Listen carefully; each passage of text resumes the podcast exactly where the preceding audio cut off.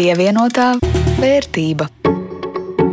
Sveicināti! Klāta pirmdiena un arī raidījums pievienotā vērtība. Ar jums kopā Jānis Ramāns no Latvijas radio un Rudīts Pakauska no Latvijas televīzijas. Šodien palūkosim, kas notiek nekustamo īpašumu tirgu Latvijā, kā to ietekmējas pandēmija un ko varam sagaidīt nākotnē. Un pastāstīsim arī par kādu biržas uzņēmumu, kuru biznesa saistīts ar būvniecību, bet vispirms par to, kas aktuāls ekonomikā. Pievienotā vērtība. Daudzās darbvietās aktuālākais noteikti ir pirms pāris dienām ieviestā iespēja līdz 20 cilvēkiem strādāt kopā, nelietojot sejas maskas.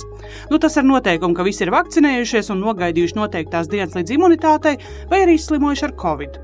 Nu, birojos jautājums, vai tu esi vakcinēts, tiek uzdots nevis, lai parunātu, kā jūtas pēc vakcīnas, bet lai saprastu, maskas var vilkt nost, vai tomēr tām jāpaliek.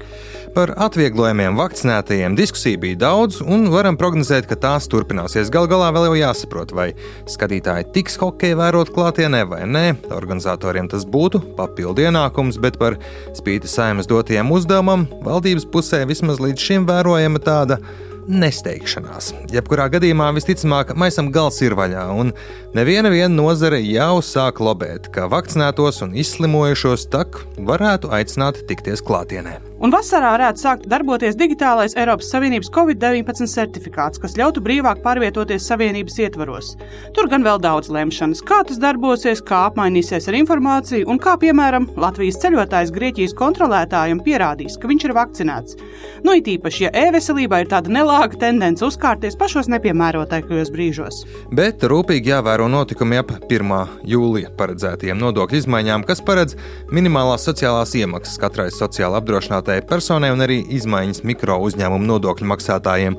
No sākšās runas par to, ka šīs izmaiņas tomēr varētu atlikt. Tas nozīmē, ka šā brīža problēmas ar sociālo nodrošinājumu turpināsies. No otras puses, arī piedāvātās izmaiņas izpelnījušās plašu kritiku, tā kā bumba šobrīd lēmēja pusē. Un kā būs jāmaksā nodokļi jau pēc aptuveni diviem mēnešiem? Šobrīd einu sazina. Bet slavenajā būvnieku karteļa lietā, kur noklausītās sarunās varējām dzirdēt, kā tiek spriests par iespējamas maksāšanu dažādiem pie varas pietuvinātiem, beigušās ar čiku. Sarunas ir viens, bet cits pierādījums knapi iegūt nav izdevies un krimināla lieta izbeigta. Nu, kā sava veida mierinājuma balva tiek solīts, ka rūpīgi izmeklēs, vai būvnieki savā starpā nav veidojuši karteli. Bet jaunākie bezdarba dati aprīlī faktiskais bezdarbs mazliet sarucis, ja salīdzinām ar martu - 8%. Interesants tendences ir raugoties pa dzimumiem.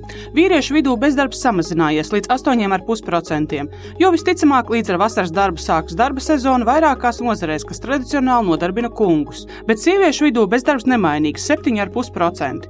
Pandēmijas ierobežojumi vēl nav būtiski mazināti un apkalpojošā sfērā, kur tradicionāli nodarbināts daudzas sievietes, pēc pandēmijas uzrāviena datos vēl neredz. Turpinājumā par to, kas notiek nekustamo īpašumu tirgu Latvijā, kā jau lielāko daļu nozaru, pandēmija skāra arī to, bet par krīzi tajā pavisam noteikti runāt nevar, ja ārkārtējās situācijas laikā gan pirmā, gan otrā viņa laikā darījumu bija mazāk, ko var izskaidrot ar to, ka nav nemaz tik viegli ierobežojumu laikā nopirkt un pārdot īpašumu, bet kā ierobežojumi ir mazāk, tā darījumu skaits atkal strauji pieaug. Cenas Tās turpina lēni un stabili doties augšup, un ko vēl var secināt, palūkojoties statistikā, skaidro valsts zemes dienesta vadošais metodikas eksperts Jānis Artmanis. Uzsākoties pandēmijai, mēs visi raudzījāmies ar bažām, kas notiks nekustamā īpašuma tirgu, pretēji tam, kā mēs jau bijām sagatavojušies kaut kam līdzīgam kā 2008. gada ekonomiskās krīzes scenārijiem. Mēs esam secinājuši to, ka, ja darījuma skaits ir praktiski nemainīgs, tad cenas joprojām turpina pieaugt. Un, teiksim, darījumu cenās teikt, šis te kāpums ir vēl joprojām. Saurupmāju darījumos mēs redzam, ka būtiski pieaug šis tuvais pierīgas reģions un arī jau tālākais pierīgas reģions dzīvokļiem. Covid-19 eh, pandēmijas ietekme 20. gadā pret 19. gadu, pēdējo normālo, tā teikt, parasto gadu, mēs secinām to, ka praktiski ietekme no šīs pandēmijas valstī praktiski nav. Dzīvokļu cenas mums nesamazinās. Cilvēki ievēro maisēdi un paliek mājās un lūkojas pēc īpašumiem ārpus lielajām pilsētām un ārpus Rīgas, kur visticamākais ir vairāk teritorijas, vairāk brīvu vietu un visticamākais arī vairāk svaiga gaisa. Protams, ir viena nozara, kurā ir ievērojams kritums un kur ierobežojums skār visvairāk - tirzniecība. Tirzniecības platība tirgū šogad ir zaudējumi jau aptuveni 31 miljonu eiro vērtībā, bet, ja pieskait klāt arī pērnā gada pandēmijas pavasara, tad tie jau būs 63 miljoni eiro neiekasētās nomas maksās un piešķirto atlaižu veidā. Tā lēš nekustamo īpašumu attīstītāju alianses valdes priekšsēdētājs Mārtiņš Vanaks, piebilstot, ka šo zaudējumus savukārt kompensē pieprasījums pēc industriālajām platībām. Tirzniecības platības piedzīvo visizteiktāko lejupslīdi, ņemot vērā ierobežojumus tirzniecībai, bet nu, ilgtermiņā, protams, cilvēki nu, visticamāk atgriezīsies tirzniecības platībās, bet nu, tirzniecības pārorientēšanos uz e-komerciju ir atstājis ļoti pozitīvu ietekmi uz industriālo platību tirgu, kura vērojama augšupēja. Savukārt, eh, biroju jomā nu šobrīd ir vērojama tāda lejupslīde saistībā ar to, ka liela daļa cilvēku, nu, līdz 70% cilvēku vienkārši strādā no mājām. Savukārt, ilgtermiņā mēs tomēr prognozējam, ka biroju tirgu būs vērojams eh, pieaugums, biroju tirgus mainīsies, biroju kā integrāla pakalpojuma ekonomikas sastāvdaļa, līdzīgi kā ceļi tranzītā vai tam līdzīgi, tomēr ir un paliks, bet nu, mainīsies biroju teiksim, izmantošanas veids, plānojums un tam līdzīgas lietas. Un mājokļi piedzīvo kopumā augšupēju, kas saistīts ar visiem būtiskajiem faktoriem mājokļu tirgū. Atsevišķi nekustamo īpašumu attīstītāji jau ir sākuši pārveidot savus topošos projektus un, piemēram, plānot lielākas guļamistabas, lai tajās būtu vieta arī darba galdam un stūrītim, jo Tā ir telpa, kurā cilvēki visbiežāk izvieto savus mājas darba birojus, un diezgan optimistiski nākotnē raugās nekustamo īpašumu nozari, jo praktiski krīze ir gājusi secen, bet pēc krīzes atkopšanās un investīcijas ekonomikā gan būs cieši saistīts ar nekustamo īpašumu būvniecību, un redzot tos 4 miljardus, kuri turpmākajos gados ieplūdīs ekonomikā, neviens vien makroekonomists jau rauc uzacis brīdina, ka būvniecībā gaidāms strauji cenu kāpums un pārkaršana. Gins Miķelsons, Latvijas būvniecības uzņēmēju partnerības vadītājs, gan saka, ja process notiks pārdomāti, tad cenu pieaugums būs mērens cenas pieaugs 3 līdz 5% robežās. Vidējā cena, protams, mēs zinām, ir sāsināti raksturi būt bijuši par to, ka atsevišķiem būvmateriālu veidiem šobrīd pieaug cenas kokam, metālam un tā tālāk, kas ir īslaicīgi, bet nu, vidējā termiņā ir svarīgi, ka pasūtītājs rēķinās, ka cena augs un pareizi viņu izmanto savā budžetēšanā. Tad nevar izmantot, nezinu, trīs gadu vecas prognozes, jau un likt viņas kā nākotnes mērķi. Nu, un plus vēl ar zemāko cenu viņi mēģināt realizēt, ja, tad tas ir skaidrs, ka garantēts problēmas jau pašā saknē nepareizi noprognozējot. Protams, arī strādnieku atalgojums aug un nozara arī legalizējās, jo projām cenu pieaugumu ir jārēķinās. Jautājums ir, kā to pareizi novadīt, kā to pareizi izmantot savā uzņēmē darbībā šo pareizo prognozi. Svarīgi ir šos publiskos investīciju apjomus līdzsvarot. Jā, svarīgi ir neiet līdzi šī tendencē, ko dažādi makroeksperti vieglprātīgi ziņo par šo nozares pārkaršanu, un tiem paziņojumiem jābūt ciparos balstītiem, nevis figurējot daudzajiem miljardiem, ja, kuri, protams, ir pa gadiem sadalām un tā tālāk. Tā kā jāskatās ir racionāli pamatot uz šiem apjomiem. Lielā mērā atbildība par cenu pieaugumu būvniecībā gulst uz valsts pārvaldes pleciem. Tās spēkos izlemt un saplānot, kā tiks īstenot Eiropas fondu projekti, sadalot tos vienmērīgi pa gadiem. Ja valsts to nespēs un, piemēram, birokrātisku, cita veida tuļāšanās dēļ, sākumā notiks nekas, bet vēlāk projekti tiks ievilkti līdz pašiem beigu termiņiem un tad realizēti gandrīz visi vienlaicīgi, tad gan būvniecības izmaksas strauji kāps un būs risks, ka uzbūvējam mazāk, bet par dārgāku cenu pievienotā vērtība. Turpmākajās minūtēs par to, kas notiek Baltijas biržā un arī mūsu pieticīgajos investīciju portfeļos. Esmu visai bažīgs, jo abos manos tirgos, kur drīkstu darboties Rīgā un Tallinā, šodien ir kritums. Rīgā par 0,88%, bet Tallinā par 1,23%. Un neizbēgami mana akciju portfeļa vērtība salīdzinot ar iepriekšējo nedēļu ir sarukusi. Šobrīd tā ir 417 eiro. Kopējais ienesīgums gan joprojām labs, bet zem 40% atzīmes. Lielāko triecienu man deva abu Igaunijas būvnieku, Merko Ehitus un Nordekon akciju cenu sarukums par attiecīgi 7 un 6%. Bet ir mierinājums. Abi uzņēmumi drīzumā daļu pērnā gada peļņas izmaksās dividendēs. Tad jau tās krokodīļa asaras vien ir. Lietuvas viļņas bieži bija vienīgā no Baltijas valstīm, kur nedēļa noslēgta ar nelielu, nu taču pluszīmi - pieaugums par 0,23%. Un manā portfelī situācija turas stabila, apmēram ceturdaļa plusā. Galvas sāpes gan sagādā Grigeo akcijas, kas joprojām ir mīnusā. Bet Linda Zalāna šoreiz pastāstīs par jau pieminēto igauņu būvnieku Nordekon. Viņi ir tiem, kuriem uzticēta IKEA veikala būvniecība Igaunijā. Igaunijas būvniecības uzņēmumu grupa Nordekon ir tirgus līderis pašmājās, proti Igaunijā, kur strādā vairākos segmentos, sākot no industriālām, publiskām un dzīvojamām ēkām līdz tiltiem, vieduktiem, ceļu būvē, kā arī ostu un dzelzceļa konstrukciju izbūvē. Tāpat koncerns eksportēm, kur iecirts arī Zviedrijā, Somijā un Ukrainā.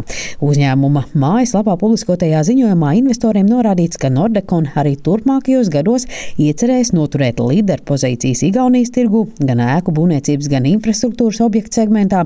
Tāpat kompānija cer nostiprināt savas pozīcijas eksporta tirgos un tajos galvenokārt attīstīt objektus galvaspilsētās un to tuvējās apkārtnēs, proti Stokholmā, Helsinkos un Kijevā.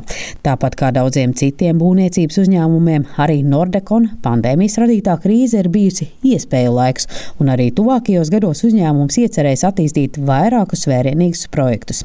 No tiem lauvas tiesa Igaunijā, piemēram, šogad Nordekon iecerējis uzbūvēt vairākas skolas Igaunijā.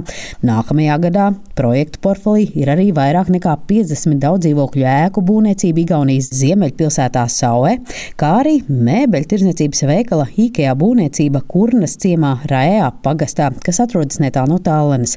Līguma summa ir aptuveni 23 miljoni eiro. IKEA veikala atvēršana plānota 2022. gada rudenī. Kā ik nedēļu biržas uzņēmumu no ieguldītāja skatu punkta vērtē uzkrājuma ieguldījuma eksperts Kaspars Pēcinieks, kurš nenoliedz, ka Igauņu būvniecības uzņēmums Nordekon ir pievilcīgs un tā nākotnes plāni ievērojami. Turklāt būvniecība ir viena no tām nozarēm, kas pandēmijas sitienu izjuta mazāk. Iepriekšējo piecu gadu laikā Nordekon akcijas ir uh, pieaugušas par 21%, ja par 3,9% uh, gadā, kas pats par sevi nav iespaidīgs rādītājs. Uh, taču akcijas cena ir bijusi gan svārstīga, piemēram, no 17. gada augstākā punkta līdz zemākiem punktiem apmēram 18. gadā nokritās par 35%, kad vēl Covid laikā bija strauji kritums. Taču no zemākā punkta Covid-19 laikā 2020. gada martā līdz augstākajam punktam šī gada aprīlī cena pieauga par vairāk nekā 130%. Nu, bet, ja paskatāmies senākā vēsturē, tad redzam, ka akcijas cena ir ievērojami zemāka par uh, IPO cenas līmeni 2006. gadā, nu nemaz nerunājot par tām augstienēm, kas tika sasniegts 2007. gadā. Aplūkojot finanšu rādītājus, eksperts secina, ka vairāk gadu garumā Nordekon ir izdevies audzēt apgrozījumu. Pēdējos piecos gados tas te ir dubultojies no 183 miljoniem eiro 2016. gadā līdz teju 300 miljoniem eiro 2020. gadā. Tomēr pieaugošais apgrozījums nav sekmējis tikpat būtisku peļņas kāpumu. Ja aplūkojam šī gada pirmā ceturkšņa rādītājus, tad eh, apgrozījums samazinājās par 10% salīdzinot ar iepriekšējā gada pirmā ceturkšņa. Un samazinājums galvenokārt pamatojums ar apgrozījumu kritumu meitas uzņēmumos. Uh, Nordekon viens no tādiem būtiskākajiem nākotnes perspektīvu raksturojušiem rādītājiem ir order book, jeb nākotnes noslēgto līgumu kopējais apmērs. Un, ja skatāmies uz 20. gada beigām, nu, tad šis apmērs nav diezgan iepriecinošs, tas ir zemāks par 19. gadu. Taču jau šī gada pirmajā ceturksnī ir noslēgta vairāk līgumu, un šis order book ir pieaudzis līdz 281 miljonam eiro un kas ir augstākais līmenis vairāk gadu laikā. Uzņēmuma dividendžu politika ir stabila. Tas ik gadus 30% no peļņas izmaksā dividendēs. Par pagājušo gadu uzņēmums piedāvā maksāt 6 centus uz vienu akciju dividendi. Tas attiecībā pret pašreizējo cenu veido 4,49% dividendžu ienesīgumu, kas ir salīdzinoši pievilcīgi. Bet vai šobrīd ir īstais brīdis iegādāties Nordekona akcijas? Kopumā Nordekona akcijas uh, šobrīd uh, šķiet ievilcīgas ieguldīšanai. Uzņēmums ir spējis audzēt apgrozījumu pat grūtajā Covid-19 ietekmes gadā, kā arī izaudzējis šo te orderu book, jeb nākotnes pasūtījums līdz augstiem līmeņiem, kas dod pārliecību par pārskatām nākotni. Akcijas arī ir adekvāti novērtētas, vai pat mazliet nenovērtētas. Kā arī uzņēmums ir stabils dividendžu maksātājs. Savukārt, kā nākotnes izaicinājums, Nordekon min pieaugušās darba spēka izmaksas un grūtības atrast atbilstošas kvalifikācijas speciālistus. Uzņēmums Covid-19 ietekmē novēro arī kritumu privāto pasūtījumu jomā, līdz ar to konkurence tirgu pieaug. Linda Zalāne, Latvijas radio.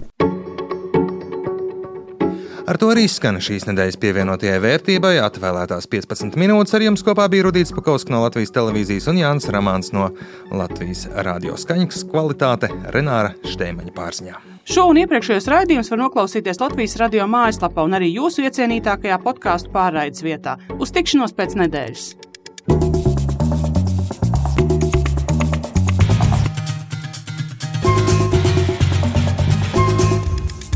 Pievienotā vērtība.